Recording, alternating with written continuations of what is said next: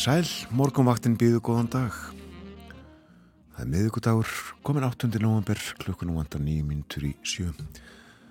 Og um sjónamenn þáttar eins björn Þórun Elisabeth við fylgjum ykkur til nýjum í dag.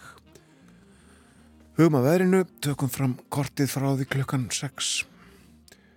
Sjáum að uh, það var 60 að hiti það sem hlýjast var, 60 að frost það sem kaldast var. Og já, 60 að hitti Reykjavík skíjað 5 metrar á sekundu austanátt. Tveggjasteg að hitti í Stafálsei, þrjárgráður í Stikisólmi, allskíjað þar, fjórasteg að hitti á Patrísfyrði, fjóragráður líka í Bólungavík, vindræðin á þessum stöðum, öðru hverju megin við 10 metra á sekundu eitthvað svo leiðis. Fjórasteg að hitti á Holmavík, en þryggjastega frost á blönduósi og þryggjastega hiti á söðunisvita ein gráða á Akureyri hiti við frostmark á Húsavík og lokn þar klukkan 6 fjóra gráður á Rauvarhöpp en þryggjastega frost á Skeltingstöðum og hiti við frostmark á Eilstöðum fimmstega hiti á Höfni Hortnafyrði 6 gráður á Kvískerjum fjóra gráður á Kirkibæðaklaustri Fimmstega hiti á Stórhauða í Vestmanægum. Austan 21 metri fór í 30 metra á sekundu í mestu kviðu. Við kallum það bálkvast hér.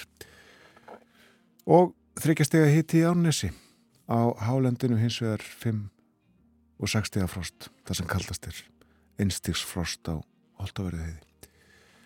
Og við hugum að veður horfum dagsins áðurum við lítum svo að ástandi á vegum Já, fyrst kannski aðtjóðasemt frá veðurfræðingi að búast má við snörpum vindkviðum í öræfum og mýrdal eftir hátegi í dag og fram á nótt.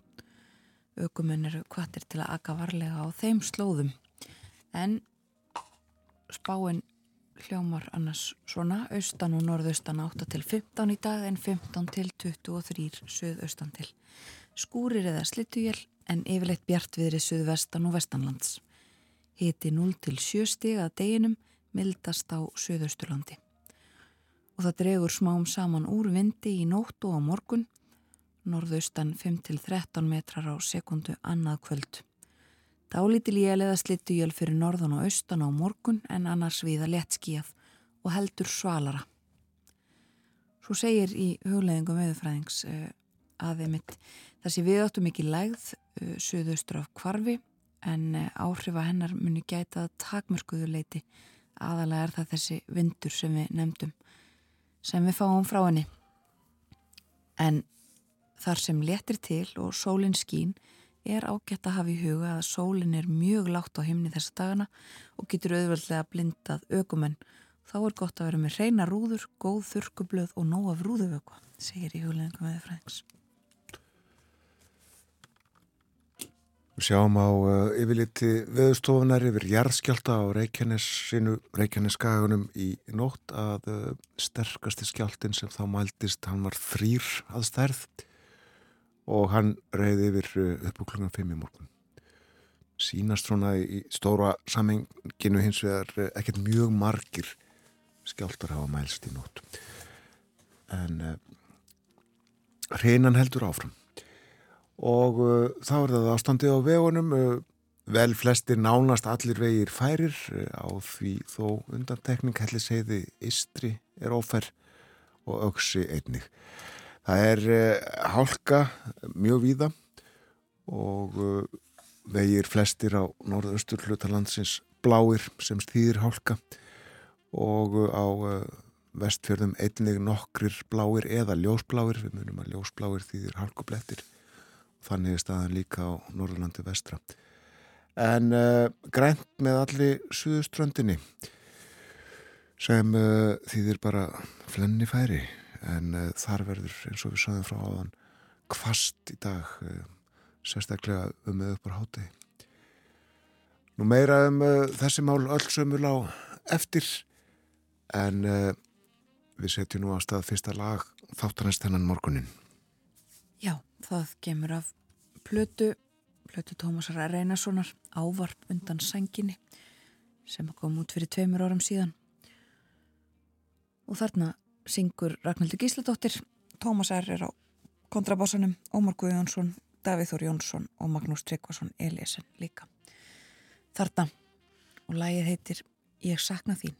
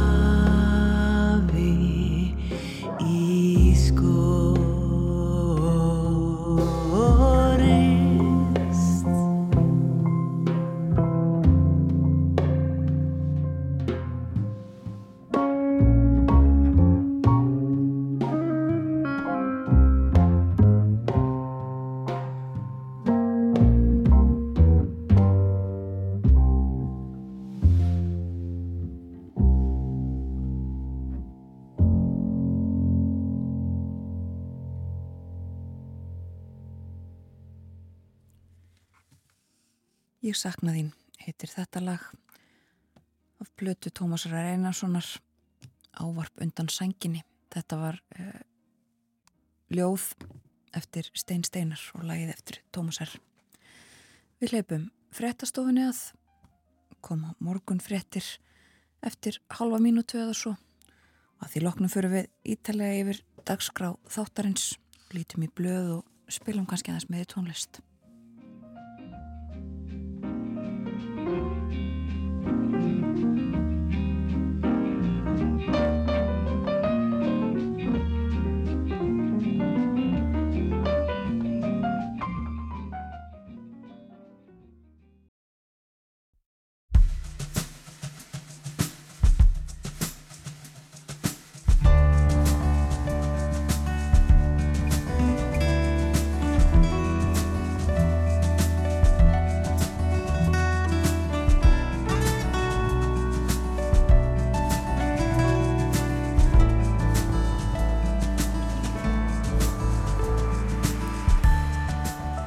Góðan dag, morgumvaktin helsar, miðugudaginn 8. november.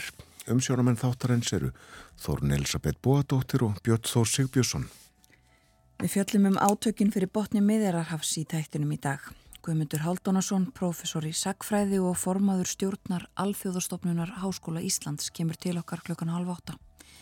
Til að skilja það sem nú er að gerast, eða reyna að skilja það, er mikilvægt að þekka söguna. Eftir morgunfréttir fjöllum við um geimin eða þau lög og reglur sem þar gilda. Já, það má vist ekki gera hvað sem er þarna uppi. Bjarni Már Magnússon, lagaprofessor á Bifröst, fer yfir grunnatriðin í geimirétti hér á morgunvaktinni á nýjunda tímanum. Svo komum við niður á jörðina aftur og förum inn á við. Við ætlum að fjalla um heilan í okkur og mikilvægi þess að haldunum við, haldunum í formi. Ólína Viðarstóttir er sérfræðingur í klíniskri sálfræði og hún verður hjá okkur klukkan halv nýju. Viðspáin er svona austan og norðaustan 8 til 15 í dag en 15 til 23 suðaustan til og það er nokkuð kvast.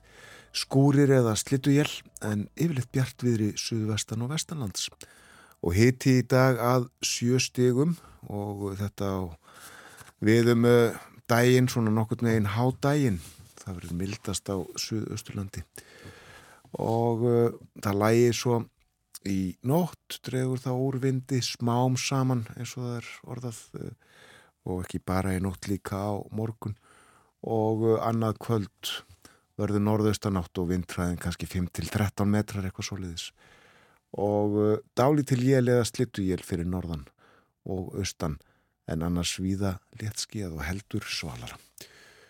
Hálka á vegum, það er svona meinreglan sem áviðum uh, norðanvert vesturland getur við sagt vestfyrðina, uh, norðurlandið allt og uh, austurlandið að hluta. Já, það er bara svo leiðis tilkynning um að vetrarfærið er viðast hvar á vestfjörðum norður, norðaustur og austurlandi og vegfærendur eru beðnir að aka varlega. Það eru líka hálkuf blettir á Bláfjallavegi á Suðvesturlandi og svo eru svona sérstakar tilkynningar, hálkublettir á Holtavörðu heiði, hálka víðast hvar á Norðausturlandi en snjóþekja eða hálkublettir, flug á nokkrum leiðum, flughált í Þistilferði og ófærtum helliseiði eistri. Og svo líka já, hálkaði hálkublettir á Östurlandi en snjóþekja á Fjardarheiði og í Skriðdal og ófært um Öksi. Já, og svo uh, vakinn sérstök aðtilli á, á þessum snörpuð vindkvöður sem að búa smá við í Örafum og Myrdal eftir hátegi í dag. Já. Og uh, sko bara alveg fram í næstu nótt. Já, fram í næstu nótt uh, þá ætti að læja og uh, þetta eru svona tilkynningar uh, varða, sem varða veðrið en það er líka, það er ekki bara rokið eða hálkan það er líka tekið fram í huglegingu veðurfræðings að þar sem léttir til og sólinn skín þarf líka farvarlega vegna þess að sólinn er svo látt á lofti hún blindar sín og þá þarf að meðal annars eins og sagtir hérna í huglegingunum vera með reyna rúður, góð þurkublöð og nóg af rúðuvökva. Svo þarf bara að passa sig keira varlega með að við aðstæður á hverjum stað Og eins og við sagðum frá áðan, uh, sterkast í arskjálftin sem að mæltist á Reykjaneskaðan minn nótt var þrýr að stærð og uh, hann reyði yfir uh, upp úr klukkan 5 í morgun. Aðeins kannski gamni hérna út í heim, núna er nýjustega hitt í Kaupanahöfn og búist við að það verði 10 gráðu þar í dag þegar hlýjast verður. Klukkan er umlega 8 í Kaupanahöfn eins og svo víða í Evrópu. Einn gráða í Óslo, fjóra stega hitti í Stokkólmi, fjóra gráður líka í Helsingi, sjöstega hitti í Þórsöfn, Þórsöfn í Færiðum og uh, það er klukkan það sama á hér. En tveikja stega frost í Núk og Grænlandi þar er enn nótt klukkan 5. Og uh, það er sjögráður í París og átta í Berlin og uh, fer upp í kannski 11 stega hitta í Berlin en uh, Artur Björgum Bodlason fór yfir uh, þetta hlýja höst sem að verið hefur þar óvenju hlýtt, uh, ég held að meðal hittin hafi verið núna í höst þremur gráðum yfir meðalægi þryggja áratuga frá 60 til 90, að ég man ekki alveg töldar í þessu viðstu felverðingar á því. En hefur verið sem sagt óvenju lít og gott höst en aðeins tekið að kólna núna. Já og það var ekki bara í Berlin sem að uh, hittastíð var hærra í oktober heldur en venjulega eða áður. Það var víða um heiminn og oktober sérstaklega hlýr. Á heimsvísu þá var hitastíð 0,4 gráðum herra heldur en fyrri metafinn sem var oktober árið 2019 þetta voru tölur sem eh, voru byrtar í gær. 50 mánuðurinn í röð sem var uh, sló hitamett það var sérstaklega oktober, september, ágúst júli og júni hafa allir verið hlýjustu mánuður síðan að mælingar hófust. Og uh, líklegt sem sagt eða nánast orðið ljóst að árið í árverði það hlýjasta síðan að mælingar hófst.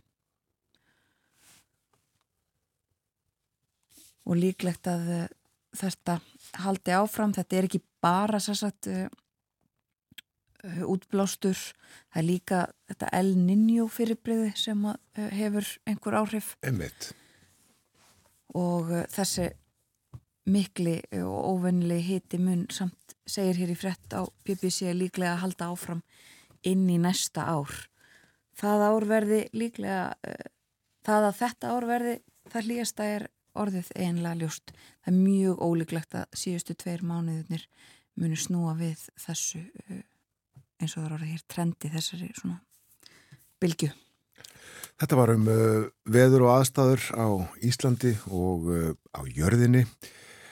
Við höllum okkur aðeins aftur í stólunum, hlustum á svolta tónlist og lítum svo í blöðin hérna rétt á eftir.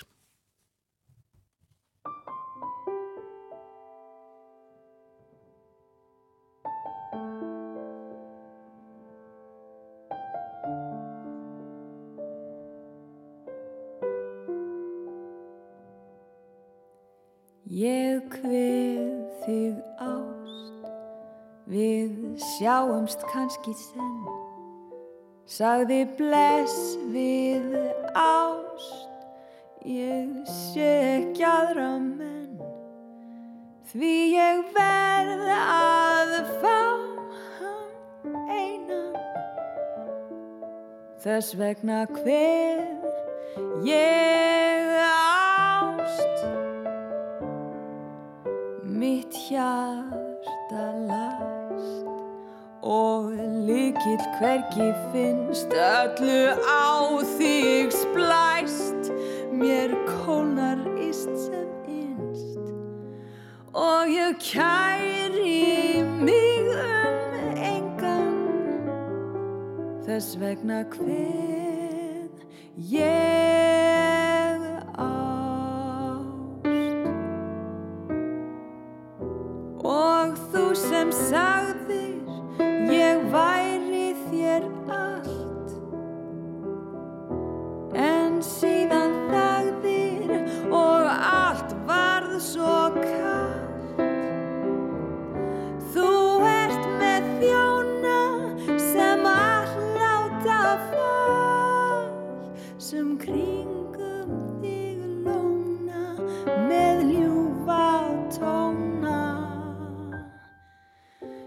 Ég hveð þig vor. Og allt sem þú varst mér engin gæfu spór nýð þór ég finn með þér því ég verð að fá hann einan. Þess vegna hvern ég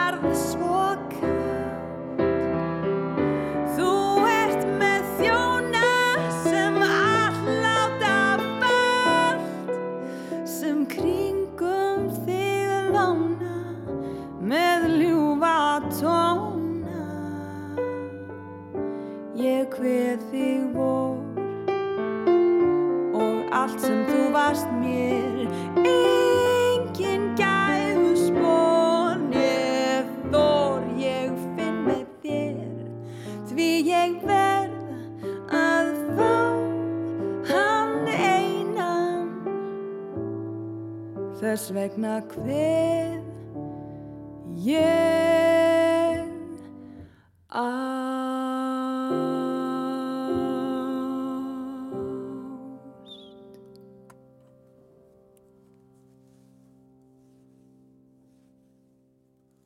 Þetta var Stína, Stína Ágústóttir, söngkona, jazz, tónlistakona. Var gestur hjá okkur fyrir uh, kannski um það byrja einu og hálfu ári síðan, uh, tengslum við jazzáttíð Reykjavík sem þá stóð. Í hverði ást, hér þetta lag. Við lítum á fórsíðu morgunblaðsins, þar er fjallaðum uh, ákomu Reykjavíkuborgar á þessu ári og uh, fjárhás áallun næsta ás og heilmikið um þau mál fjallað í gær í fréttunum en uh, hjárastæðan betri heldur en útlýtt var fyrir um skeið og uh, þau í meiri hlutanum uh, bara nokkuð ánað með sig en uh, minni hlutin ekki og afstöðu Hilda Björnsdóttur oddvita sjálfstæðisflokksins í borgarstjórn henn er slegið upp hér, hún gagrínir hallaregstur og hefur áhyggjur af fjárhástöðinni. En borgarstjóri ánaður með viðsnúningin. Það er líka fjallað hérna um uh, þessi tíðindi sem að bárist í gær að uh, fórstjóri Marel er hættur. Og uh, það mátti kannski við uh, lestur svona fyrstu línana í fréttum og tilkynningum um það máli gær halda að uh, það væri bara alltið eðlilegasta mál. En uh, eftir því sem meira var lesið komi ljósa svo var alltið lýs ekki. Hann á í deilum við uh, bankan sinn um uh, lán sem hann tók til þess að uh, fjármagna hlutabref og uh, staðan í uh, þeim ágreiningi slík að uh, hann taldi réttast að hætta samkvæmt þessum tilkynningum sem að gernar voru út í gerð en uh, hann er ósáttu við bankan og hefur kvartað undan framgöngu hans til fjármála eftirlitsins ef ég skildi þetta allt saman rétt telur að bankin uh, hafi ekki farið að lögum í uh, samskiptum við sig. Ég verið heiðalegur en uh, Árni Oddur sem sagt hættur sem fóstjóri Marel uh, eftir að hafa stýrt fyrirtækinu í áratug var áður stjórnarformaður. Og fyrirtækinu gengi afskaplega vel lengst af en síðustu tvö ár verið erfið eins og stundum hefur verið rætt og fjallað um hér í þættinum. Nú nú uh, sagt frá uh, uppbóði sem að uh, haldi var hjá Brún Rasmussen í Lingby í Kaupmannahöfni gær þar sem að boðnir voru upp seðlar úr seðlasafni Freys Jóhannessonar og er skennst frá því að segja að dýrustu seðlarnir seldust ekki en það var þó selt þarna fyrir yfir 20 miljónir er tekið hér fram.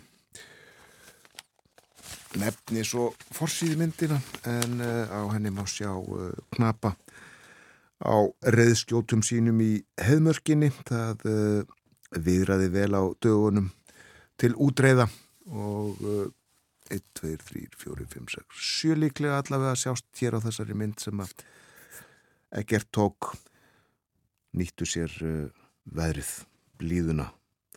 Haustið uh, þetta fína haust í uh, heimörkinni Förum þá aðeins til útlanda.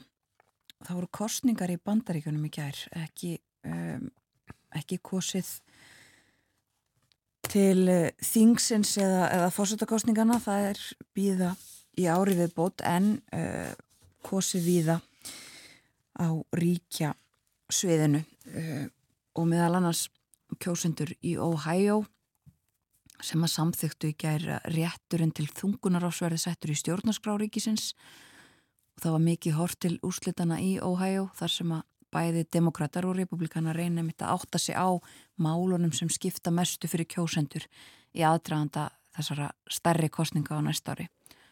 Og hlustendur muna hæstiréttu bandarækjana snýri við réttinum til þungunaráfs í fyrra og málið verðist enn vera til þess fallið að koma fólki á kjörstað. Það var líka stort í kostningunum í Virginíu. Þar var verið að kjósa til þings og uh, það er að segja þingsins í ríkinu. Demokrater náðu öldum í báðum dildum. Þeir heldu meira hlutunum í öldungadildinni og náðu meira hluta í fulltrúadildinni sem að þýðir að þeir geta áfram komið í veg fyrir áform ríkistjórans sem er republikani. Hann hefur viljað herða en frekar takmarkanir á þungunarofi þar. Og uh, það, þessi mál virki kjósendur, það ítir undir vonir demokrata um að svo verði áfram. Þeir vonast til þess að það muni hjálpa þeim í kostningunum á, á næsta ári. En frá því að dómur hæstaréttar var kveðinu upp í fyrra að þá hafa verið kostningar svona í sjö ríkjum þar sem að kosið er um uh, eitthvað sem við kemur réttinum til þungunaráfs í viðkomandi ríki og öll er að hafa uh, tryggt þennan rétt en kostningarna núna voru hins vegar þær fyrstu í ríki þar sem að republikanar hafa völdin í svona íhaldsömu ríki. Og líka verið talað um kostningar um ríkistjóra í Kentucky í þessu samengi. Þar uh, var líka demokrati endurkjörin í ríki sem er uh, íhaldsamt og kaus með yfirgnæfandi meira hluta Donald Trump sem fórsetta uh, þegar að Joe Biden vann. En ímislegt, já, fleira í þessum kostningum en óvíst þó að demokrater vonist til þess að þetta þýði að þeim gangi vel á næsta ári og muni koma fólki á kjörstað að svo verði. Það var byrt könnun frá New York Times í svona þessum baráttu ríkjum sem að líklegt er að verði sem að sínir fram á það það var byrt núna bara um helginni eða á mánudagin að Joe Biden er eh, óvinnsætli en áður fólk eru óánægðara meðan finnst það nóg gamal til að gegna ennbættinu áfram? Og það er ekki það að Donald Trump sé að verða vinsætli heldur bara Biden óvinnsætli þannig að eh, floknum gengur ágæðlega en þetta er eins og það var orðað í New York Times þetta er Joe Biden vandamál. Og uh, fleira aðeins úr uh, Erlendu frettunum við tölum reyndar um uh, stöðuna á gasa hér eftir nokkra mínútur þegar Guðmundur Haldunarsson verður með okkur. Þá ætlum við að fara í söguna en fyrirverandi fórsættisráð þeirra um, Ísraels Ehud Olmert, hann segir í nýju viðtali að uh, eftirmaður hans, Netanyahu sé einfallega brotin maður eftir árásir Hamas á gasa og það stjórni hans aðgerðum núna. Hann hafi, þetta hafi komið honum á óvart og hann sé að láta stjórnast af uh, því. Og Netanyahu sagði í gær eins og við kannumst við að Ísraelar myndu þurfa að bera ábyrð á gasa eftir að þessu stríði líkur. Þeir muni þurfa að tryggja öryggi þar. Eh, þessu eru bandaríkjaman ósamála bæten fyrir nefndur eh, bandaríkjafósiti sem að eh, stiður þetta ekki. Netanyahu og bæten eru ekki á sömu blaðsju hvað þetta varðar það verði ekki hægt að láta Ísraela stjórna á Gaza. En líka mennfarnir að velta í auknum mæli vöngum yfir því hvað eigi að uh, gerast þarna. Þegar uh, að það verði einhver tíman þannig að uh, þetta þessu ofbeldi í linni þá þurfum við að huga að framtíðinni. Og eitt að lókum um þessi mál menjulega er það nú þannig að þegar að G7-ríkin hittast leðtúar þeirra þá ratar það í fréttir og er á fórsíðunum. Það er ekki þannig núna en þessi leðtóar eru sem sagt á fundi í Tókjó.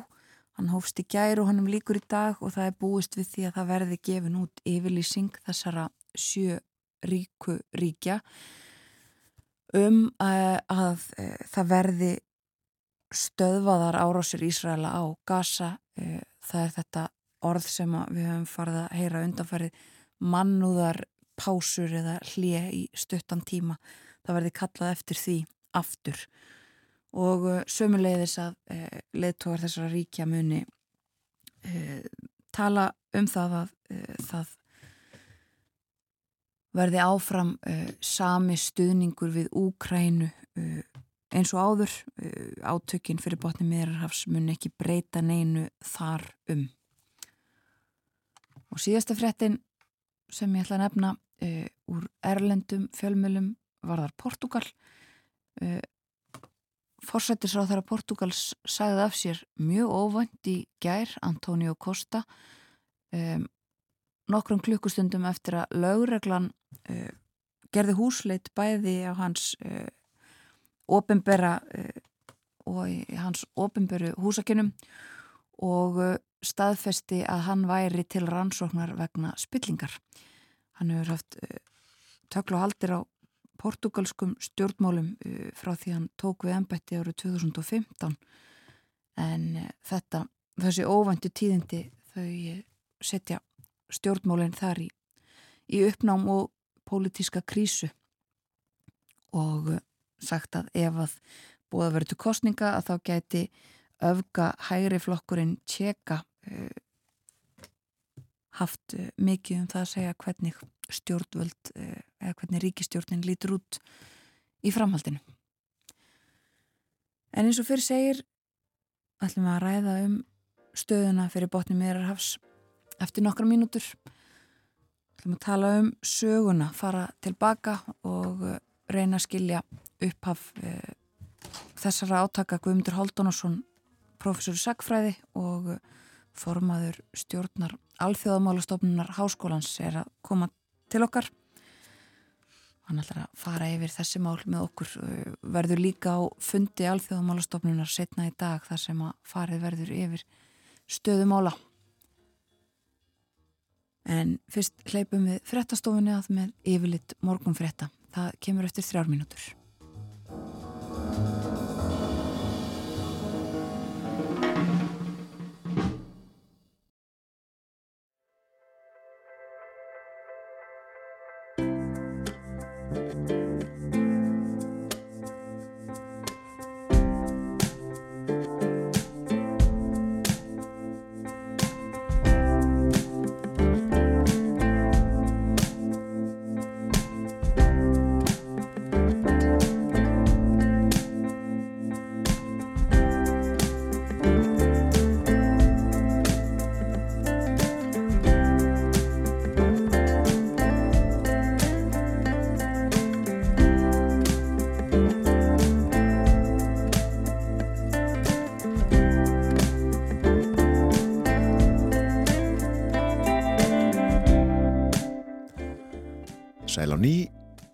morgunvaktin siglir inn í daginn, það er miðugudagur í dag, 8. november og klukka núna réttliðilega hálf átta.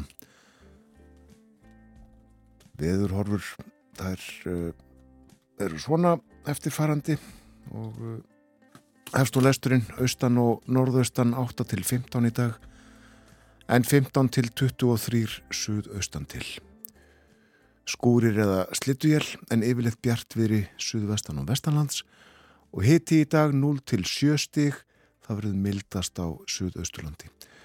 Og það er hálka á vegum víða um land vestfjörðunum, öllu norðurlandinu og stórun hluta austurlands. Síst þó á suðurlandi en uh, þar má búast við uh, vindstrengjum undir fjöllum. Og víðar jafnvel eftir háti í dag og fram eftir öllum degi og jafnvel inn í nótina vegfærendur hafið það í huga. Við ætlum að tala um uh, mál sem við hefum ekki fjallaðum áður hér í þættinum, gerum það eftir fréttnar klukkan átta, það er geimréttur, það gilda sem sagt lög og reglur úti í geimi og um geimin og uh, við ætlum að við ætlum að forvitnast aðeins um þetta.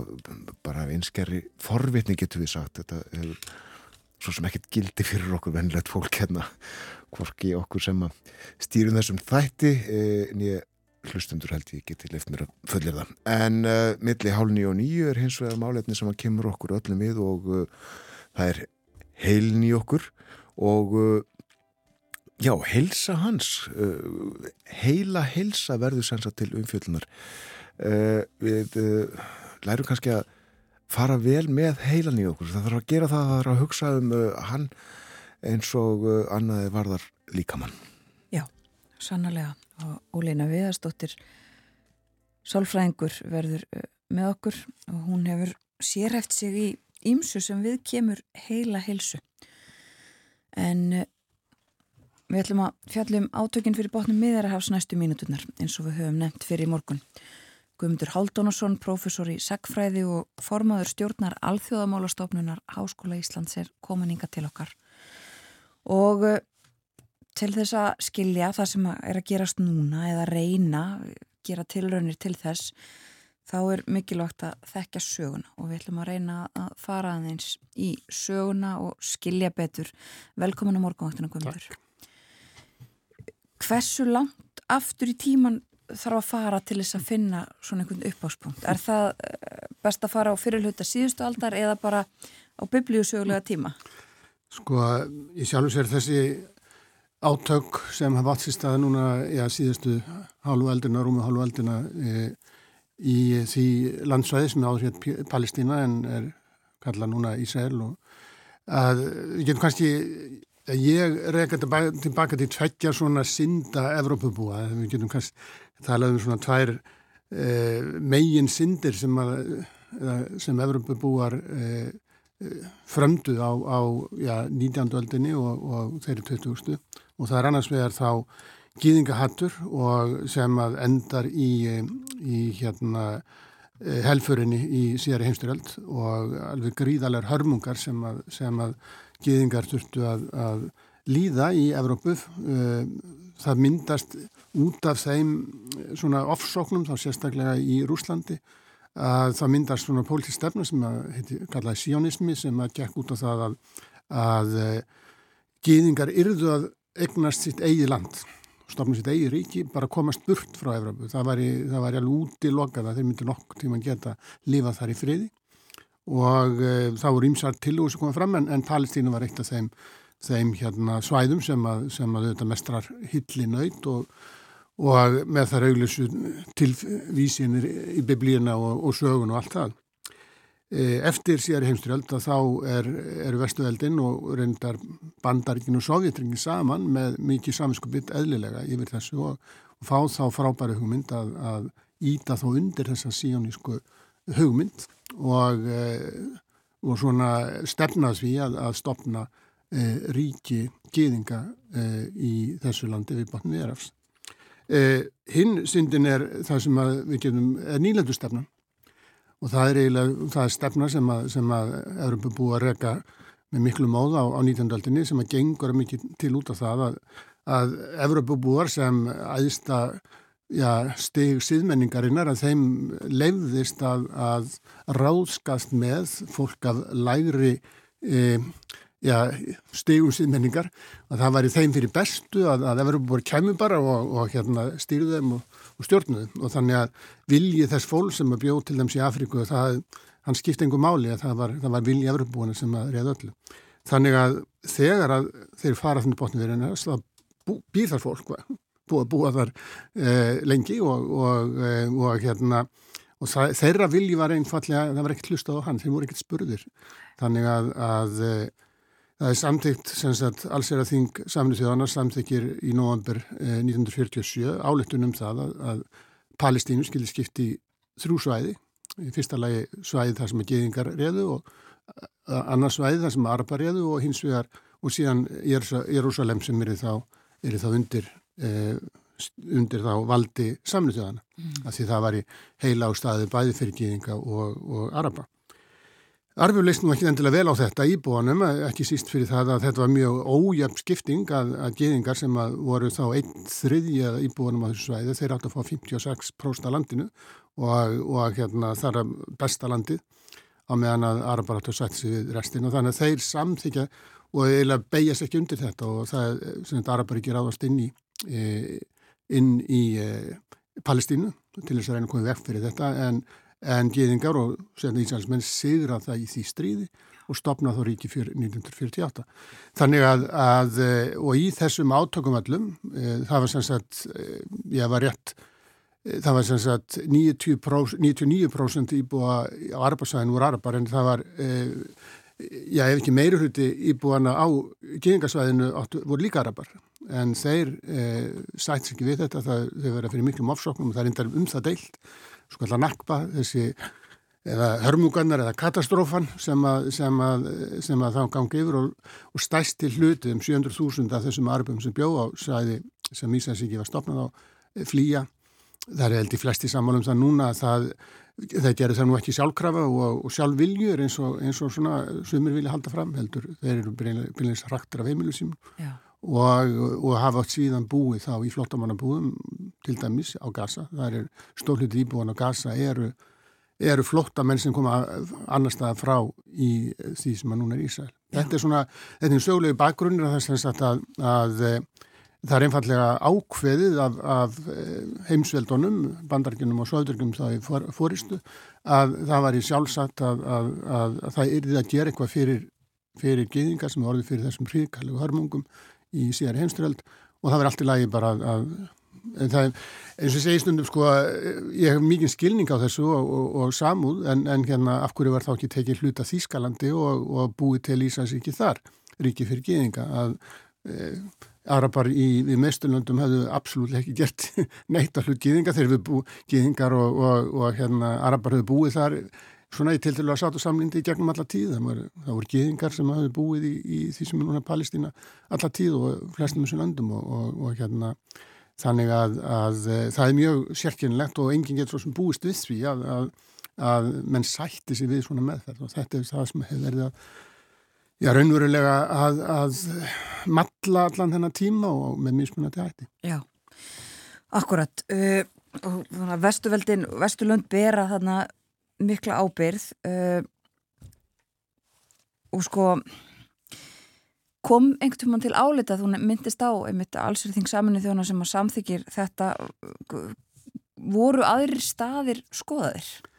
Ekki held í þessu samhengi sko, þær hefðu verið gert það áður mm. þetta er auðvitað þessi, þessi, þessi stefn og það eru komnir að flust mjög margir geðinga frá Evrópu til, eh, til Palestínu á, á millistísárunum og, og hérna þá er þetta landsvæði undir, undir stjórn breyta, þetta er breyta taka eftir upplýsn óttamannaveldisins fyrir heimstöld að taka breytar þetta landsvæði. Eh, þeir hefðu upphaflega hvatt til uh, flutningsgiðingaþangað en, en síðan undir senastriða þá þegar þeir eru svona reyna byðla til Arabáþjóðanum að fá meiri, meiri stuðning og eftirmikla upprýsnir í, í e, Palestínu að þá setja stopp á flutningiðinga inn í landi rétt fyrir setni heimstyrjald en, en það, en e, og þeir hefðu Íslands, eða giðingar hefðu keift land, e, ofta tíðin var það land sem að þeir hefðu keift af landeigandum sem byggu ekkert á svæðinu voru byggu annar staðar að, að stofluta landinu bara eins og á Íslandi var, var leikt út og, og leigulegum var bara að kasta burt vegna þess að landegandin hafi selgt landið. Mm. en það var ekki nema lítið hluta landinu sem að, sem að þannig hefur það, það er sem sagt taka landið einfallega eftir eh, 1948 Já.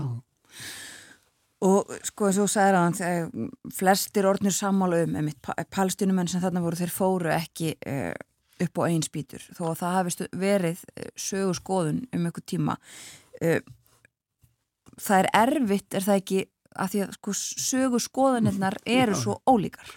Já, já, er, þetta er, þetta er alveg, alveg óðbúslega erfitt mál og þegar maður les um það, það er ofta tíðum uh, það er ofta tíðum erfitt að, að lesa öðruvísin þannig að menn séu með eitthvað ákveðna skoðanir sem að, sem að koma að þessu. Það er, það er einhvern veginn svo erfitt að horfa á þetta hlutlust en, en ég held að Ég held að svona, svona í grunabottin þá getum við sagt að þetta eru, eru gerð gríðarlega mistök í upphafi, þetta átti ekki að stopna þetta Íslandsíki vegna þess að það er bara ekki til lægi að, að þú bara takir landa fólki og segir hérna kemur allt annað, annað fólk og segir eigið þetta. Mm. Það getur aldrei leitti nema, nema til átaka en þetta er segur orðið og Íslandsíki er og verður áfram og þannig að það sem hefur verið núna síðan já, á tíund áratögnum þá hefur verið leitast við að reyna að finna þá, þá einhverja lausn og reynlega þessi lausn frá 1947 hefði kannski ef hún hugsanlega verið svo, svo, svo besta Já. ef að menn hefur sætt sér við það ef að, ef að sko sé, palestmennu horfið tilbaka núna að þá kannski hefur hugsað sér að þeir hefur verið tilbúin að færa þessa forn en, en þeir voru ekki tilbúin þá e, eftir að ríki.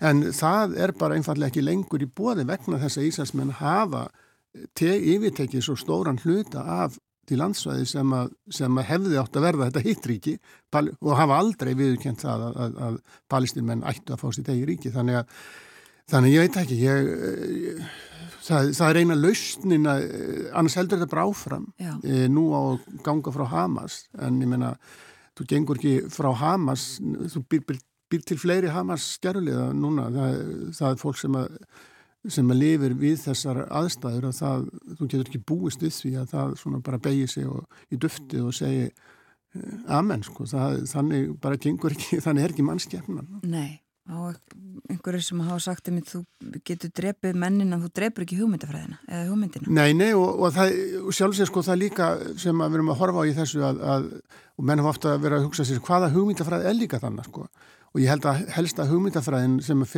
sem felur það í sér og, og er ástæðan fyrir því að, að, að e, margir arabar og stuðnismenn palestinu fordama e, hriðiverk og, og áðbeldisverk Hamas svona frekar máttlæsislega og, og vísa þá alltaf í eitthvað annað og svo framvegis. Og það er ástæð, eina ástæðin er svo að, að er svona þetta er svona ákveði lífsmark þó að það sé bæði áðbeldiskent og ógeðslegt að þá einhvern veginn það er einhvern veginn svo að stríði svo gegn mannlegri reysn og það er það sem að, sem eins og stefnan hefur verið kakvært palestinmennum og það er einn að brjóta niður þeirra mannlegu reysn, brjóta niður mennskuna í þeim að, að, og mennska snýst um það að maðurinn hafi eitthvað svona, eitthvað atbeina, geti, geti gert eitthvað, svona móta sitt líf. Og það er það sem að hefur verið, verið að reyna að gera með palestinmenn sérstaklega á gasasvæðinu en reynda líka á, á Vesturbakkanum. Að það hefur allt reynd til þess að komið vekk fyrir það að það sé hægt að byggja þar upp raunverulega lífvanlega samfélag með, með atvinnulífi, með, með atvinnu því að palsmenn hafa löngum þótt vera meðal svona mentuðustu og, og framsæknustu e, já, þjóðabrota eða þjóða á þessu svæði. Það, það, það eru vel mentaðir og en en þú, það er yfir 50% íbúða gasastrandarinnar eru atvinnuleysir, einfallega vegna þess að það getur byggjum nýtt einast atvinnlíf ef allt er lokað, þú lifir í fangilsi eh, þá, þá er það mjög erfitt og, og þetta hefur ástandi hefur bara versnað uh, frá því að síðar í hluta síðustu aldar. Og, og með hægri stjórnum með þeim stjórnmála breytingu sem það átt sér stað í, í Ísrael að þá hérna að þá hefur ástandi vestan og það, það má segja eins og segja, ég var að hlusta á í gær eh, viðtal við, við palestískan eh, bladamann og sakræðing sem að býrindar er, er Ísælskur, sko, býr Ísæl og þar kemur fram eh, hjá fyrirspyrjandin, hann segir sem sagt að Ísælsmenn sækist eftir öryggi en palestímenn sækist eftir frelsi. En auðvitað sækist palestímenn líka eftir frelsi neð eftir öryggi, Já. allir sækist í öryggi en þeir bú ekki við neitt öryggi. Og, og hvernig þessi, þessi hnútur verið leistur veit ég ekki. E, ég, það er alveg ljóst að núverandi stjórn í Ísrael vil nýtt nakpa þeir, það var það besta sem að það veri fyrir þeim með lausnin og er alltaf verið að þeir bara, palestininn bara hverfis í svona. Og menn skilja stundum ekki að já, hverju fara ekki bara til Egiptalands og samlagast og sem er kannski svolítið sérkjönit fyrir hóp manna sem hafa einmitt verið ásakar til að samlegast ekki. Að, að, það er nú það sem að, sem að hérna gíðingar hafa aftur verið svona ásakar um að hverju samlæðist ekki bara. Já. og það hefur nú ekki verið þeirra ekki, þeirra hefur ekki kostið að gera það og, og, og hérna og enginn svo sem ástæða til. Nei, en einmitt þessi tveggja ríkja löst sem þú uh, minnist á hún, uh, hún verðist bara vera út á borðinu.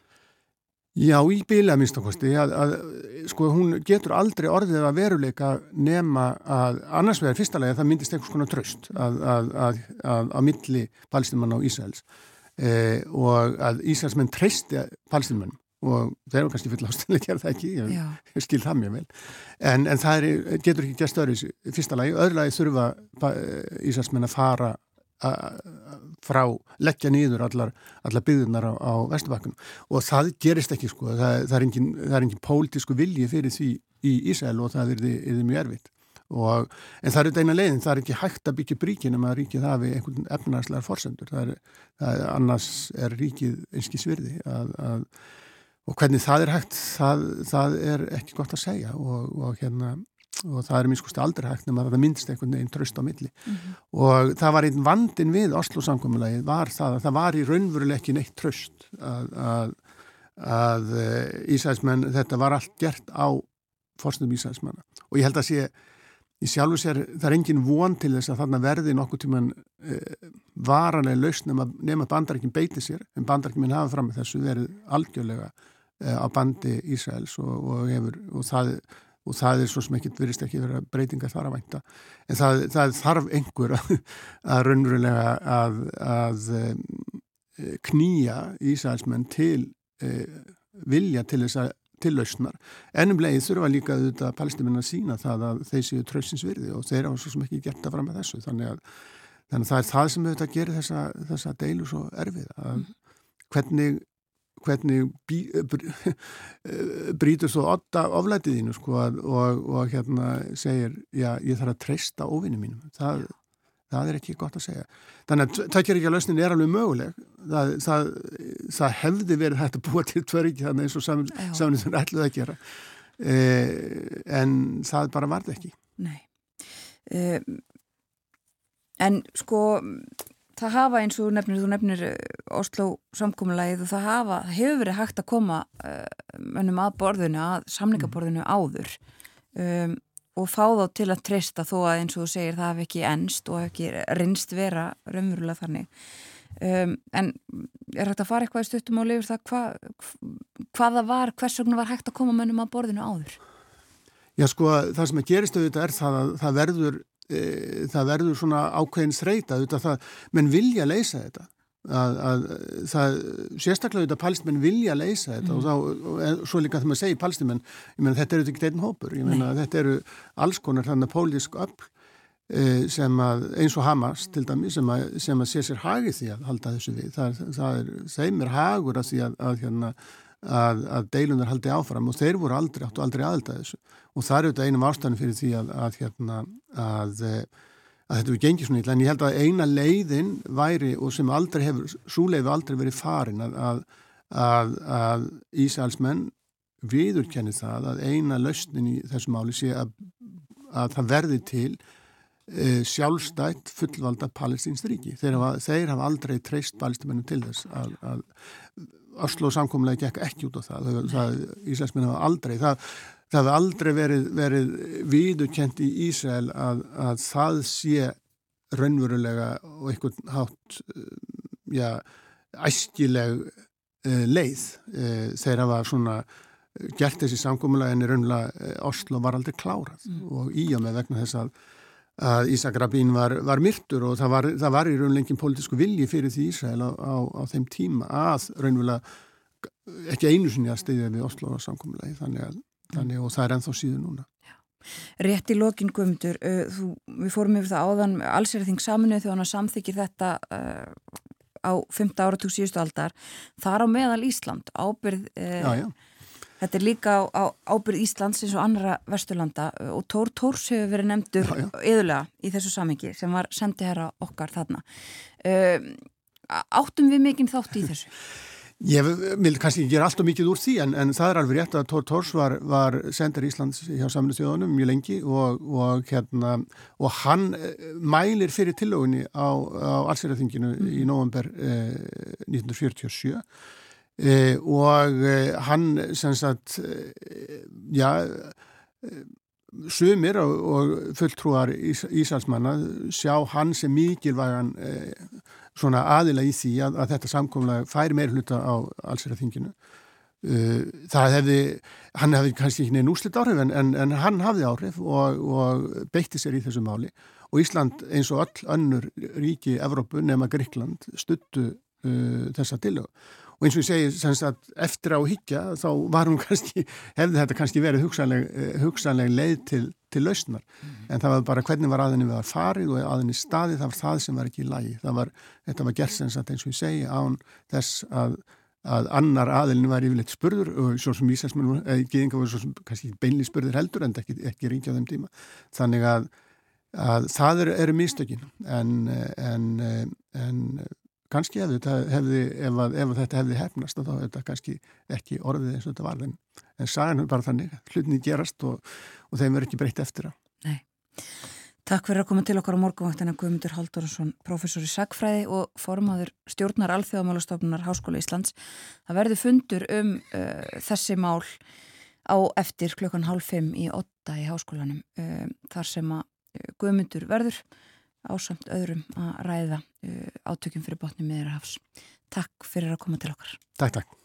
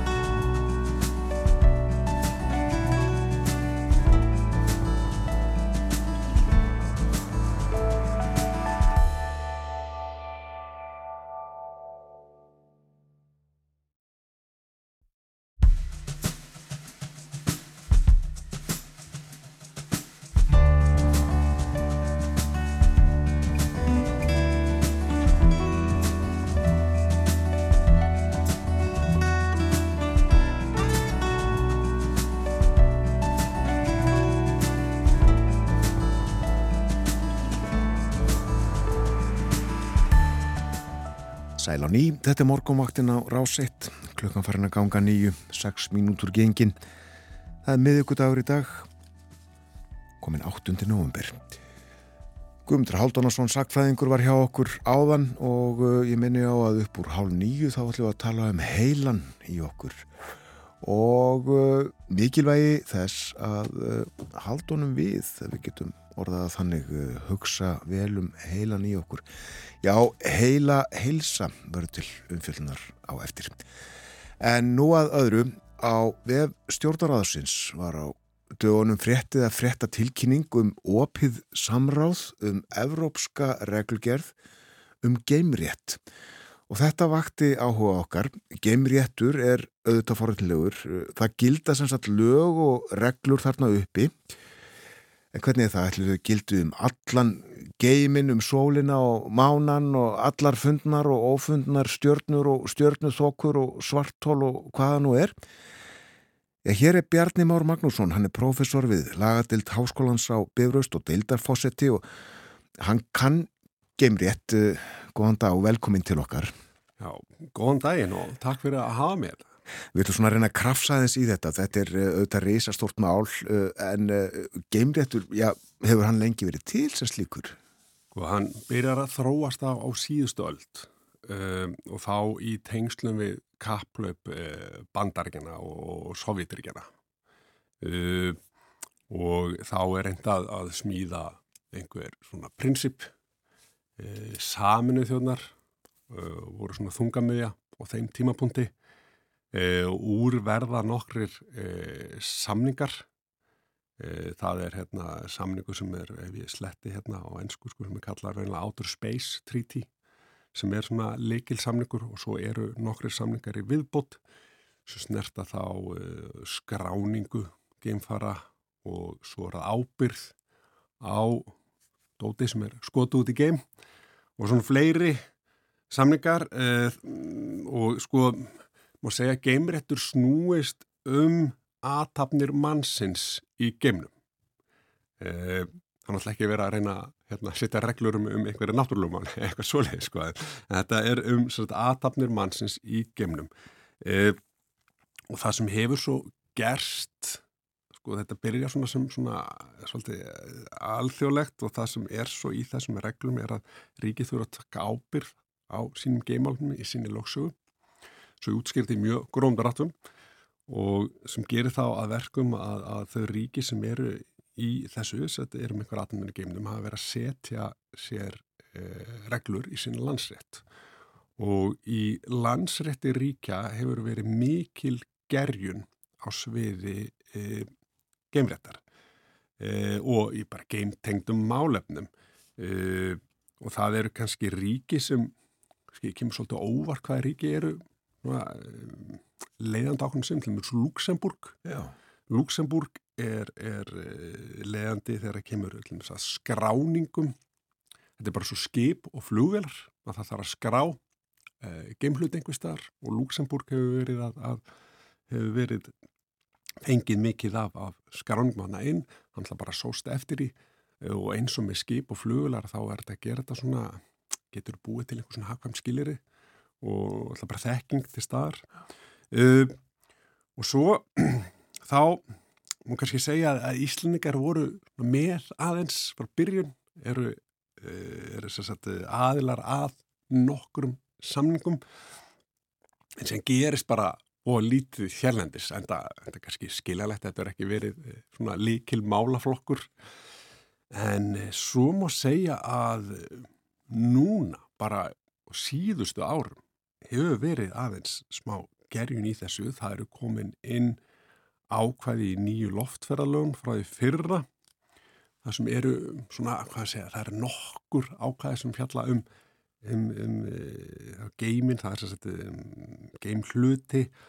Og uh, svo var nú eitt áhugavert að það er uh, árið 2019 þá var sett uh, reglugerðum skráning gerfinata tíðna sem tekur á sagt, sem gildur um íslenskar skráningar á tíðnum og tengdum upplýsingum um sporbög gerfinata hjá alþjóða fjarskiptasambandinu. Þannig að það sko að þá að vera hægt að skrá gerfinati þá hér og Íslandi þá með eh, svæði sem er þetta að skjóta þess að eh, gerfinati. Þetta eru nú svona nokkur skonar eh, takmörku öðlind eins og ég skilda, ég er nú að segja, ég er ekki í náttúruvísindum, þannig ég vona ég sé ekki að hérna að, að, að raska neinum hérna ró einhverja náttúruvísindum manna hérna úti En þessi tínisvið séu þá einhvern veginn takmarku eða eitthvað slíkt? Já, það, hvað, hvað þú getur verið með þetta Já. í geimnum og það, það hefur eitthvað að gera með, með einhvers konar hérna, vísindamálum sem ég alltaf ekki að hætta mér. Nei, nei, gott, við skulum reyna að tala um það sem við höfum eitthvað að vita á. En uh, við munum auðvitað uh, kaplaupið í geimrannsóknunum á sínum Mm. tíma og uh, svo hefur ímislegt verið gert auðvitað og, þarna út eru gerfitungl sem að, að hjálpa okkur að eiga samskipti frá ólíkum stöðum á jörðinni til dæmis. En er það ekki þannig að einhver tíman og það fyrir ekkert mjög löngu síðan að uh, þá áttar fólk sig á að er mögulega hægt að græða eitthvað á geimnum. Og þá fyrir alltaf stað. Jú, það er nefnilega málið.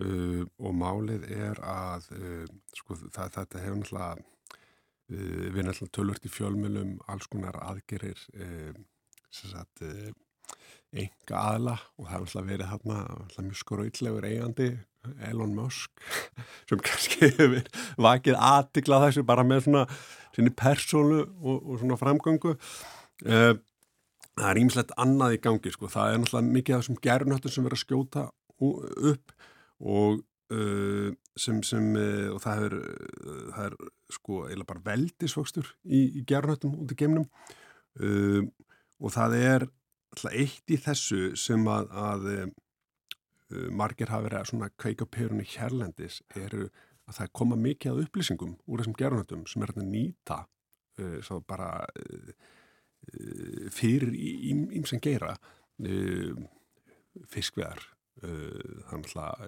hérna, samgöngur og sjó uh, viðfars upplýsingar uh, lofslagsmálumni það með þess að vera að nota þá gerunata myndir í, í ágrein eignartamálum sett fyrir domstólum ímsa ríkja.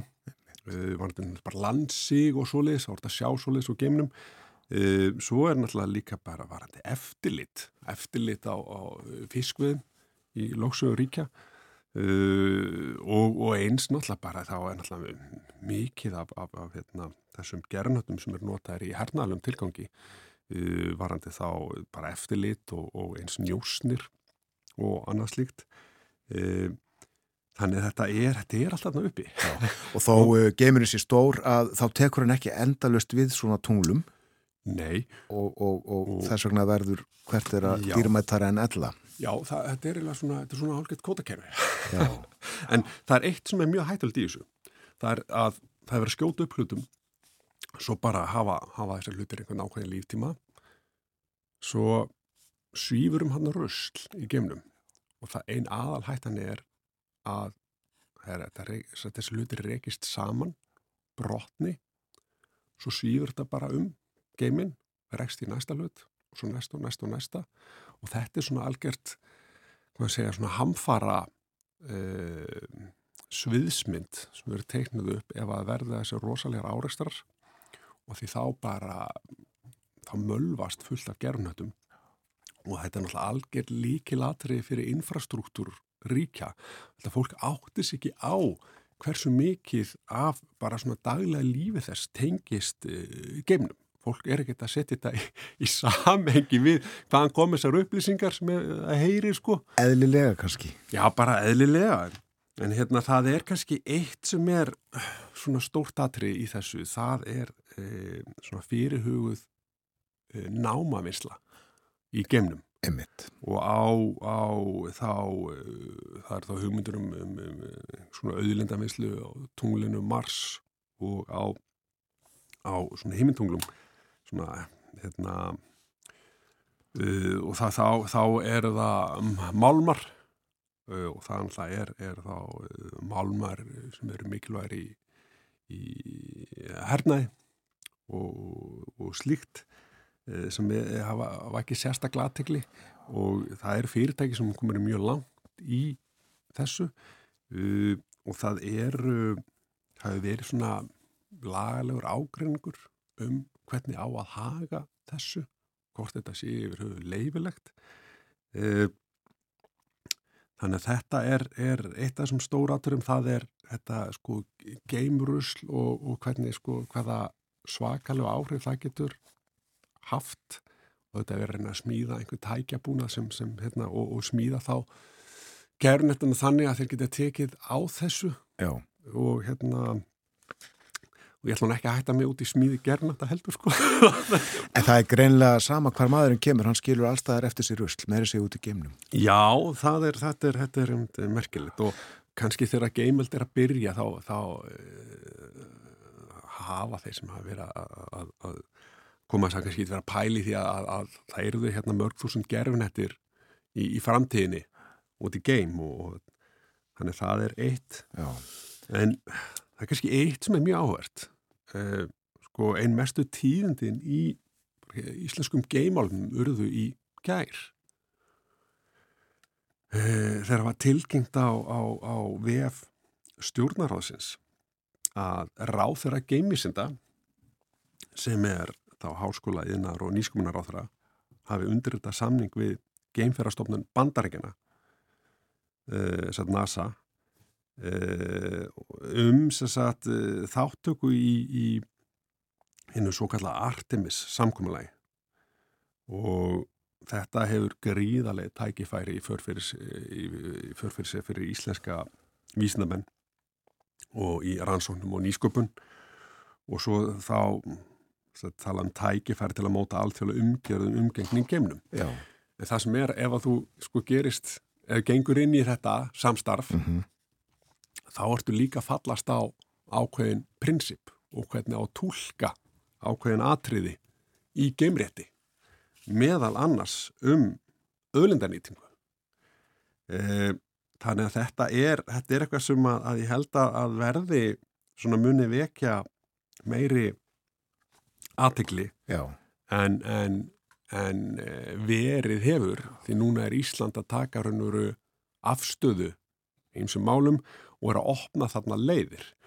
Uh, það var náttúrulega lengi vel uh, pælingum að Ísland myndi ganga inn í, í geimfærstofnun Evrópu en, en það var einhvern veginn svona afskrifað sem eitthvað sérstætt hugarefni pírata sem var, svolítið skrítin umra í kringu það en, en uh, það myndi vera annað svona sem myndi styrkja Já. í íslenska háskóla sérstaklega Og þetta er stort skref í þá átt í rauninni að, að ráþæra já eins og hún er eh, tilluð á, á síðunni ráþæra geimvísenda skrifi undir þetta samkomlega. Já, og það hefur líka verið sko uh, svolítið vandamál fyrir erlenda aðila sem hafa viljað koma hinga til lands. Það er bara í hvernig á að ringa, hvert á að senda tölvupost. Til eiga samskipti við um geimmál. Já, og svo, svo er það bara þannig að stjórnkerfið hefur náttúrulega ekki verið uppbyggt og, og stopnarnastruktúrin sko, hann, hann er ekki skipulaður fyrir geimálunni þannig að þeir sem eru þess að lendi í þvílíku vesinu. Eðlilega skulum við bara segja. Já, já. En uh, þetta gæti sem sagt orðið, orðið uh, atvinnugrein hreinlega, fræðigrein hér, geimrannsóknir með einhverjum hætti, geimréttur þar með og ímislegt sem að tengist þessu. Heyrist, heyr, heyrist það á þér. En uh, sko, uh, maðurinn hefur auðvitað sleið eiksinni með einhverjum hætti á geimin, en, en sko, er, eru þjóður heims samála um að, um að uh, geimurinn og allt sem í honum er sé sameg allra eða? Sko, sko. Þetta er bara mjög áhverð. Það er þarna í að, að, að þetta er, það er ákvæði í, í þessum hérna, game samningi sem Outer Space Treaty að það er að ríki geti ekki sagt gert svona segja, fullveldist tilkall til gamesins eða hluta hans. Um, en ágæringun er náttúrulega sko um svo auðlinda nýtinguna þannig að þetta svona þetta, þarna er verið að tólka það er mjög hárfínar tólkanir hvernig hérna, eiga, eiga hérna, fara út í þetta. Og það er náttúrulega líka eitt sko, það er líka að, að nota geimin svona í friðsamluð tilgangi.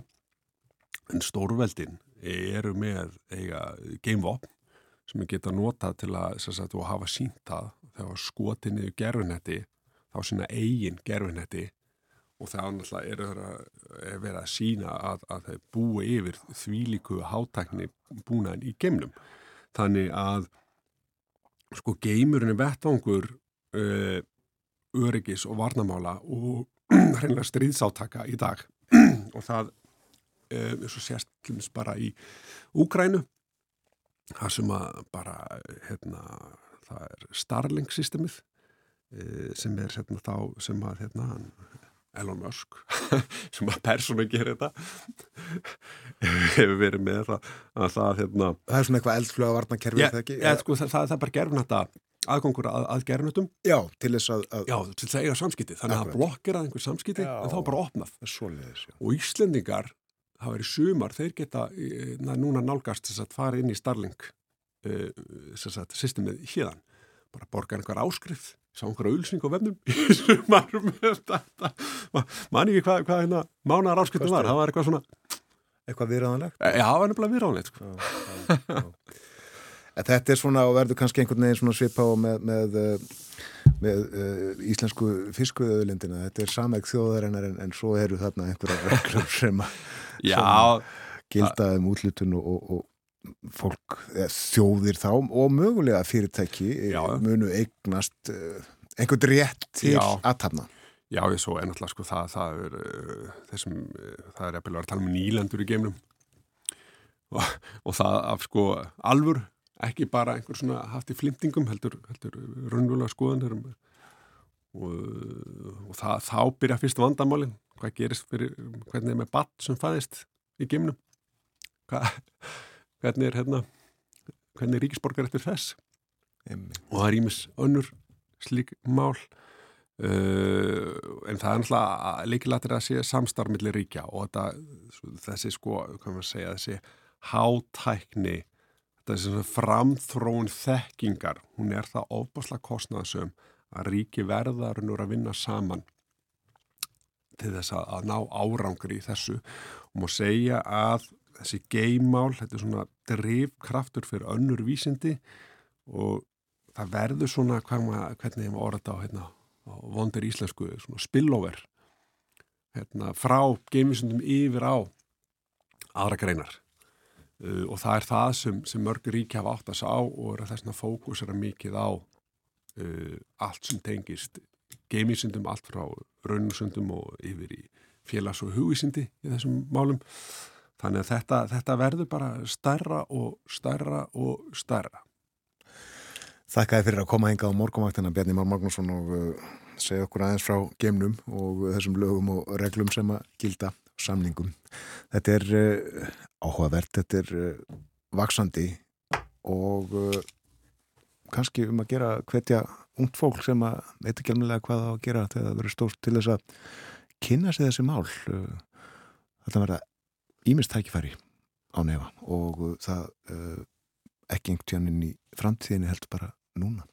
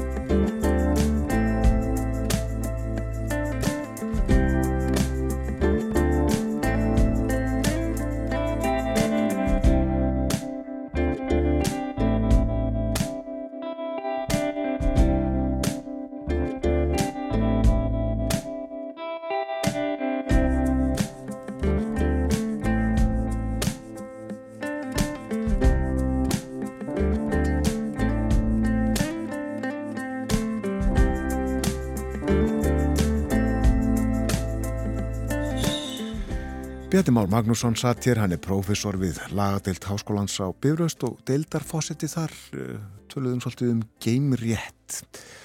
Hann uh, kann ímislegt í honum og uh, kennir stundum svona eitthvað í geimrétti í námskeiðunum sem hann kennir og hefur kent. Já, allt að gerast í geimnum.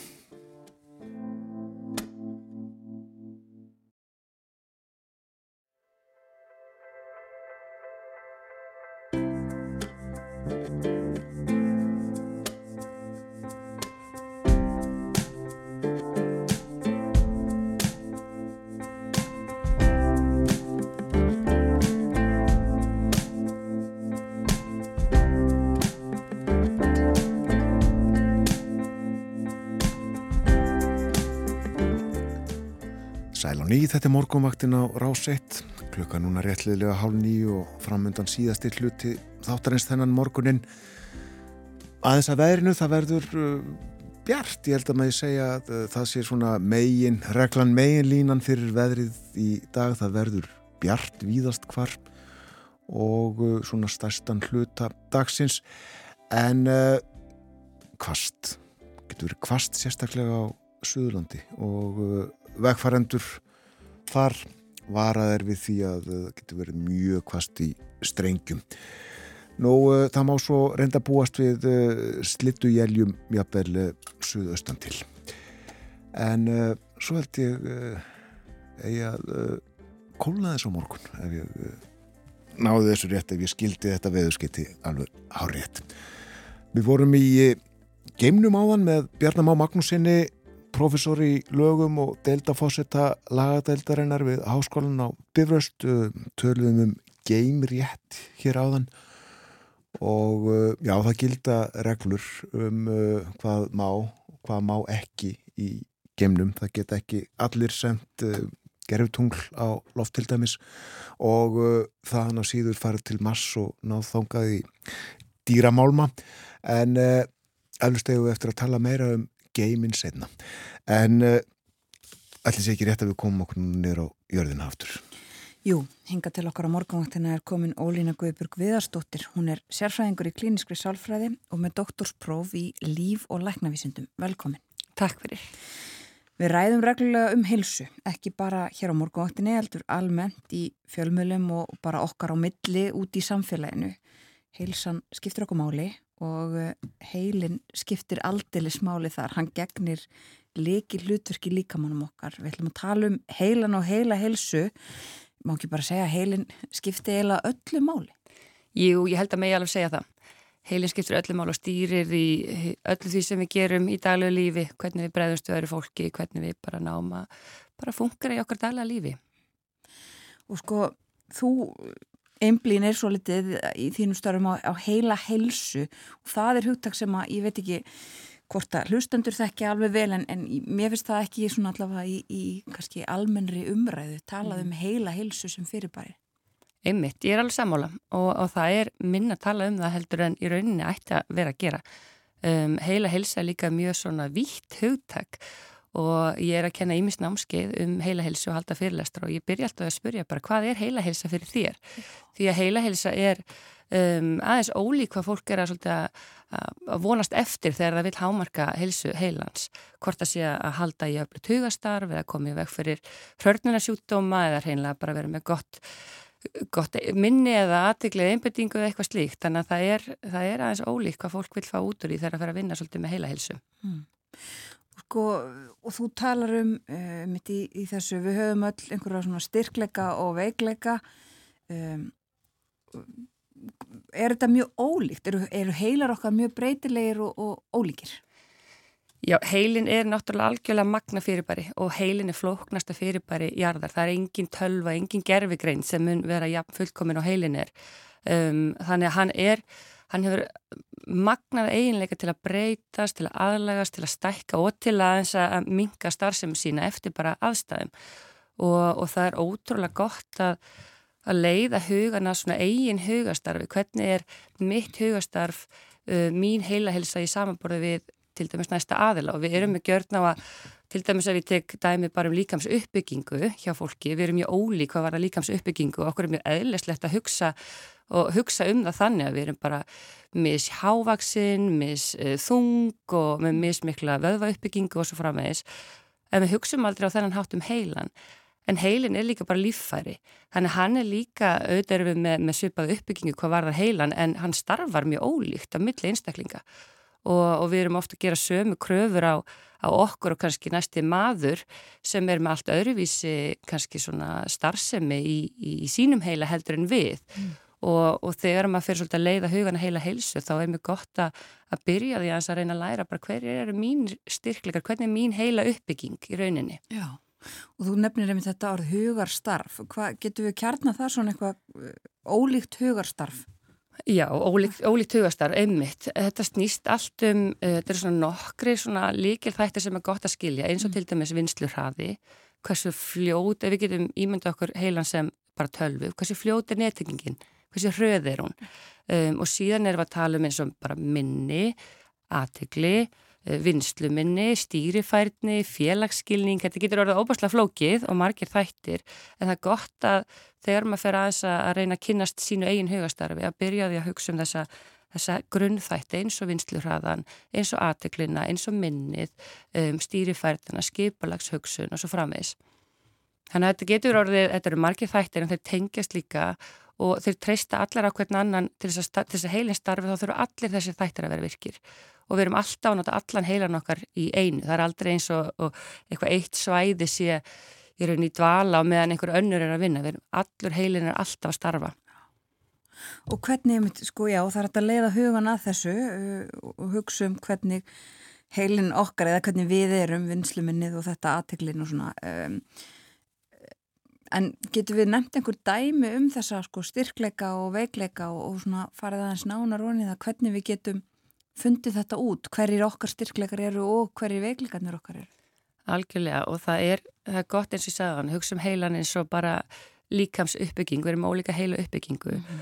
og, og við erum kannski annar einn aðli sem er mjög um, svona hraða hugsun, fljótar hugsa, fljótar tilengast í þekkingu og fara inn í málinn og meðan á kannski erfitt með að sjá kannski feril fyrir sér eins og erfitt með skipulagshugsun, mögulega erfitt með aðlast aðstæðum með svona uh, hugranna sveianleika og svo kannski næsti maður sem að mjög auðvelt með sé kannski langan feril fyrir sér og þessari einstaklingar eru oft mjög góður í til dæmis verkefnastjórnun eða um, einhvers konar skipulagsvinnu en kannski aðeins lengur að meðtaka hluti þurfa aðeins lengri tíma til að hugsa það, er ekki eins fljótir að ná í upplýsingarnar en, en þar eru allar að neða bara gefa sér aðeins lengri tíma. En oft erum við að setja sömu kröfur á okkur þannig að við erum kannski næsti maður er, er fljótur að sjá ferilin fyrir sér og koma um öllum í orð og jafnvel nýra blað og ég kannski sem er aðeins lengur að því en gera það óbúslega vel en ég kannski að setja út á mig eða berja mig niður fyrir að vera ekki eins fljót og næsti aðili. Þannig að þetta er soldið og svo líka eins og bara með, með aðtegli, við erum náttúrulega með, með ólíka uh, svona getu til að halda aðtegli og ekki bara að halda aðtegli á einum hlut í einu, heldur mörgum hlutum í einu sem er mjög auðvelt með að multitaska og vera í, í áreita miklu umhverfi á meðan einhver annar getur haldið einbindingu mjög langan tíma ef hann kannski fær frið til þess uh, og er ekki eins miklu áreiti. Þannig að það er, um, og það er mjög gott að hugsa eins og þegar ég sagði með, með líkamann að, að við erum kannski með tvær ólíka líkams uppbyggingar, ein, einstakling sem er uh, eh, hávaksinn og grannur og annar einstaklingar sem er kannski lágvaksinn og þjættur og báðir aðelar geta lært að hlaupa marathón og, og þjálfa svo upp í því en það tekur kannski þennan sem er lágvaksinn og þjættur aðeins lengri tíma og það er kannski að fá aðeins öðruvísi þjálfunaprógram. Þannig að sama við um heilan að við erum með hæfni eða hvað maður segja, heilin hefur getu til að gera í rauninni bara alveg ótrúlega hluti og hver og einn getur bætt við sig um, í rauninni bara, hann getur alltaf bætt við sig, er, og ég held að það sé kannski svona, það sem eru svona upplugasta uppgötun hérna síðustu áratögu var þegar við áttum okkur á því að heilin er svo sveianlegur og hann getur bætt við sig, hann getur stækkað og, og eld, eld svona taugabrautir og, og, og unni hraðar og Og, og þannig að þegar við erum að reyna svolítið, að byggja upp upplöru hugastarf að þá þarf svolítið að vera ok, en þarf ég lengri tíma til að ná einhverjum markmiðum eða, eða er, ég, er ég fljóta náðangað og þá fara allt eftir bara hvernig, mitt, hvernig virkar minn heili. Þannig að við þurfum að vita svolítið um okkar eigin heila og, og út frá því að þá er hægt að þjálfa upp alls konar færni. Það er hægt að þjálfa upp auðvitað hvað sem er og svolítið þessi hérna um, þessi grunn atrið eins og bara endurtekningar eh, það geta allir lært að spila gítar. Það er bara, mm -hmm. ef við setjum 10.000 klukkutíma í það þá, þá mun allir geta að spila eitthvað lag. En það er bara ólíkt hversu fljótu maður að pikka það upp. Já. og það líkur kannski betur fyrir sum heldur en öðrum. Um, og það er ímislegt auðvitað sem að sem að ítir undir heila heilsu. Og þegar við erum að tala um að ebla heila heilsu að þá erum við ekki endilega að tala um að, að gera sudoku eða krosskatur heima eða fara í eitthvað tölufórið. Það getur vissulega verið eitt lítill afmarkað hluti af því. Ef við erum að tala um miklu viðtækara, uh, viðtækari nálgun, þar sem við erum að huga að þessum helstu þáttum sem eru bæði að, að stuðla bættri heilhelsu og ef að þessi þættir er ekki til staðar, þá getur það líka ítt undir að hugastarfi verði í rauninni bara hægara eða, mm. eða jafnvel fari að hérna, myndast svona hörnandi sjúkdómar. Þannig að það er kannski þessi líkil þættir sem að, sem að væri alveg gama líka bara eins að fara í. Já, hverjir eru þessi líkil þættir? Þeir eru sko fyrst og fremst um, reyfing. Það er eitt, það er bara aftur að minna á að heilin er lífari og heilin er með mjög flókið æðakerfi og við þurfum öflut blóðflæði upp til heila og þetta er ofta fyrsta, til dæmis þegar fólk er að, að hérna, upplega mikla streitu eða eitthvað slíkt eða það er mikið í gangi þá tekur það út oft þessa reyfingu og við erum ekki endala að tala um og rannsóknir ekki að, segja okkur allir þurfa að fara í einhvern hamagang en þetta snýst samt um að fá daglega í rauninni bara öflutt blóðflæði upp til heila helst að hverjum degi og er, þannig að ef það er einhver þáttur sem maður ætlar að byrja þá er þetta nummer 1 og 3. Það eru langt flesta rannsóknir sem sína öflut hugastarf og tenginguna við reyfingu. Er það þá bara líka, það dugur að fara í göngutúr á hverjum degi? Eða já, bara, röskan. Já, röskan göngutúr. Röskan göngutúr þar sem þú fari púlsin í gang, öflut blóð, blóðflæði upp til heila.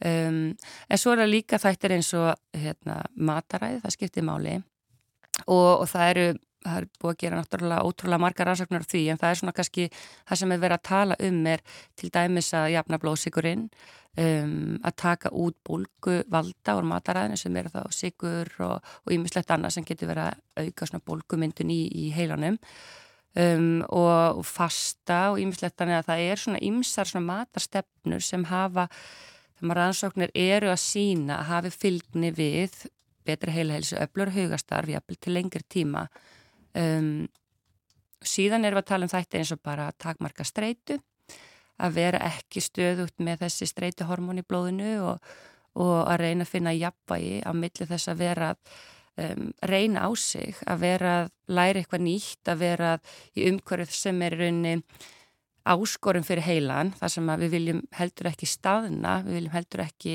komast í ómikla rútínu, mm.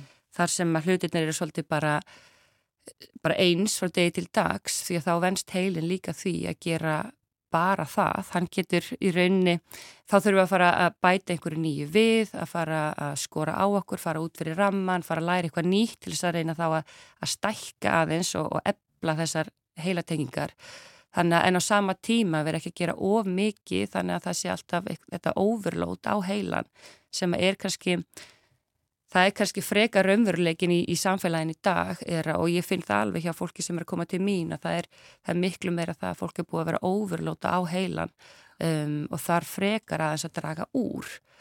En þetta bæði skiptir máli, einangrun, vanvirkni, um, svolítið bara svona rútínubundi líf getur líka orðið mjög hérna bara uh, slangt fyrir heila helsu og, og heili náttúrulega, hann er mjög orkufrekt líffæri, þetta er orkufrekasta líffærið okkar og ef hann getur sparað orkuna sína að þá gerar hann það.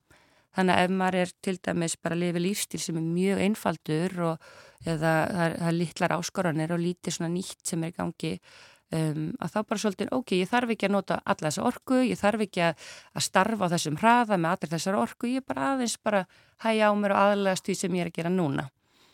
Þannig og svo þurfum að fyrir aftur að staðjafvel og kannski ekki tekið dæmi til dæmis þegar fólk er að fara í, konur er að fara í fæðingarólof eða fólk er að detta út af vinnumarkaði vegna veikinda eða eitthvað slíkt að þá, þá breytist lífstílinn ásala mikið í mhm. kjölfarið. Mm. Það er allt í hennu komið úr því að vera í áreita miklu um, umhverfi í miklu félagslegum tengslum jáfnvel í svona frekar mikla kannski einangrun eða hérna, svona mjög ólíku lífstíl og heilin alveg aðlagast því til að spara orkuna sína þá bara ok, ég þarf bara að nota að virka svona rætt þannig að ég ætla bara að gera það núna þannig að það er svo mikilvægt þegar fólk er að fara aftur að stað, hvort sem að sé eftir fæðingarólu eftir veikindi, eftir bara eitthvað skonar um, tí, tímabunna lífstílsbreytingu að, að gefa heilanum líka þetta sviðrum til þess að aðlast þá auknum kröfum. Mm.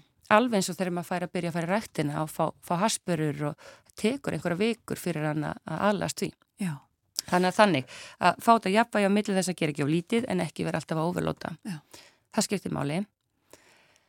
Síðan eru þættir eins og hérna, félagslega tengsl. Þetta er, er óbærslega stór þáttur og, og það skiptir máli að vera í fyrir heila bara heilsu og öflugt hugastarf að vera í góðum samskiptum, bæði nánum tengslum og líka bara í reglulegum samskiptum á bara yfir daginn og, og maður sér það alveg hratt um leið og til dæmis um, fólk fer á eftirlaun eða fer svolítið um, einangra sem er að frá þeirri fólki að þá líka um, hægist á hugastarfinu Þannig að þetta er svolítið svona, þegar fólk er að fara að setjast í helgan stein að þá svona byggja það með hugsa bara ok, en, en hérna ekki bara að setjast upp í sofa og, eða kaupa hús á spánu og bara liggja þar í solbæði allar dag, bara ok, reynda að finna þér áhagamál þá þar eða og, og tengjast hérna samfélagin í kringum þig og bara til að halda áfram þessari virkni.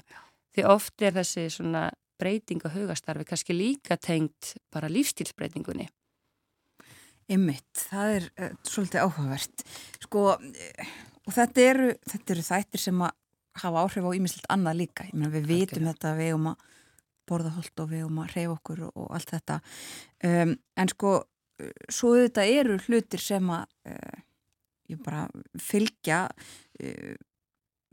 til dæmis hækkandi aldri og þetta er bara hörnunar sjúkdómar sem að hafa áhrif mm -hmm. og það er alls konar kannski svoleiðis utanakomandi líka, er það ekki? Jú, algjörlega og það er margt sem getur haft neikvæð áhrif á hugastarfið og, og þannig erum við kannski að tala um þætti eins og hérna, eins og ég er búin að tala um streytu og reyfingulegs og ímislegt annað en líka eins og bara tökum höfuhög, tökum ímis hérna svona andlegar eða geðranveikindi, þunglindi, kvíða, áfallastreitu og margt annað sem hefur áhuga hugastarfið, auðvitað er þessi tauga hörnunar sjúkdómar, heila hörnunar sjúkdómar sem að, sem að geta myndast mm. og þá líklega á efri árum og það sem er kannski mikilvægt í, í því samhengi er að um, fólk er oft hrætt uh, það tilur að, jú, ok, það er í ættinu minni eða mamma grindi sem Alzheimer eða eitthvað slíkt og þannig að þetta er svolítið í skrifaði skín fyrir mig en það er búið að vera alveg ótrúlega mikið af öflugum rannsóknum og mikil áhersla á þetta síðustu árin og áratugina um, hvaða er margt annað sem hefur jafnvel stærri og meiri ári var það hvort þú þróa með tauga og heilarhörnuna sjútuma heldur en til dæmis genin. Já. þannig að hérna, það er alveg ótrúlega margt og því fyrr sem maður byrjar að því betra að huga þessum þáttum eins og ég var að nefna áðan. Þá getur maður jafnvel hérna, senkað því að þetta komið fram eða, eða komið í vegferða þannig að genin eru ekki endilega stærsti þátturinn í söllu saman um, og það margt, en það er margt annað eins og til dæmis um, áfengi og výmefni ímis og, og það er hægt að fara út, út í þá umræðu um, mjög ídalega ímis hérna svona líf sem að hafa áhrif á miðtökjarfið og, og, en oft eru, eru þetta aftur það sem er svo dásanlegt við heilan hann er um, svo sveianlegur og og oft er þetta tímabunna breytingar á meðan það er einhver svona nótkun í gangi og er hægt að vinna sér út úr því aftur með því að huga heilahelsunni. Þannig að það er aldrei of seint. Þetta er svolítið eins og með líka mann líka bara, að maður, er, maður finnur einhverja breytingu, maður er kannski dottunum formu og ekki múið að heifa sér lengi, en maður getur alltaf að byrja aftur og heilahelsan er bara eins. Það er hægt að bæta hugastarfi, það er hægt að gera það öflugur og betra með réttum leiðum. Já og það eru bara svo draugum þetta saman stóru, þessi stóru þætti sem þú ert búin að fara yfir. Um, en fyrsta skrefið er að átt að sjá því hvar styrklegarnir og veiklegarnir líka Já, við, já mér, það, það, mér finnst það alltaf að vera mjög góð, góð leið og það er kannski aðeins, hljómar aðeins flóknar en það er en, en aðeins að lesa sér til og aðeins að bara, hu, bara fylgjast með hvernig maður að bregðast við því að við gerum oft mjög miklar kröfur á heilan okkar, við erum mjög svona, um, hann á að starfa alltaf hratt, hann á alltaf að vera í max performance, við myndum aldrei segja þetta um líkamann, við myndum alveg átt okkur á því ef við hreyfum okkur ekki allt sumara að við erum ekki að fara að taka þátt í einhverju keppni í ágúst en við erum heilan þá hann alltaf að vera hérna, hann alltaf vera í hámark starfsemi en hann er bara líka mjög bara háður því hvernig lífstílin er og, og breytilegur þar líka þannig að það er gott aðeins að svona gefa heilanum líka smá skilning og slaka og reyna að skilja hann aðeins betur. Mm. Takk fyrir að koma til okkar á morgunvaktina og, og tala við okkur um heila heilsu. Ólína Viðarstóttir, sálfræðingur og doktor í líf og læknavísindu. Takk fyrir að bjóða mér.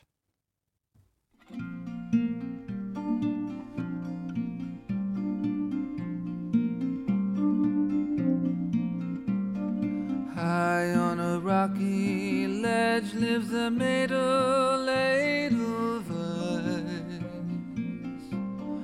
Shy as a shadow, lovely as lace and cold as ice. High on a rocky ledge, I pledge my love to her every time I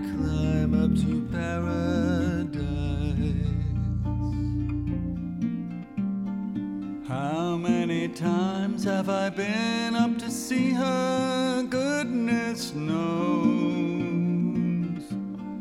Huffing and puffing, dressed in the warmest climbing clothes. How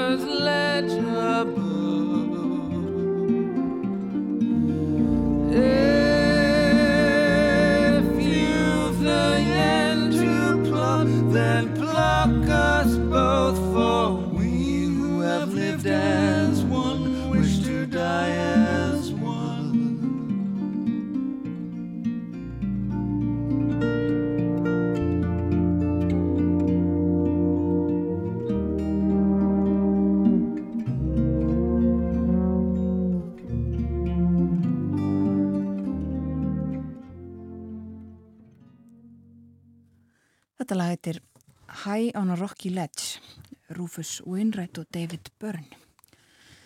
Við spjöldluðum hér áðan við Ólínu Viðarsdóttur, hún eh, er sálfræðingur og doktor í líf og læknavísundum og rekur fyrirtæki sem heitir Heila Heilsa og það var það sem hún talaði um við okkur. Heilsa Heilans, hann skiptir jú aldalis ja, öllu máli. Já, bara nefna það að ganni margir sem að muna þetta eftir ólinn úr fótboltanum. Já, landsliðskona. Já, afreikskona í fótbolta knaspinu. En eh, morgunvaktinni er að ljúka þennan miðugudags morgunin. Við höfum setið hér frá því snemma í morgun. Morgunvaktin er auðvitað á sínum staði fyrramálið. Hefst klukkan tímyndur í sjö, alla verka mótna og við erum með netfang, morgunvaktin hjá rúf.is, langt séðan við höfum mynd á það. En við þakkum samfélgina í dag. Að þið njóti dagsins verði sæl.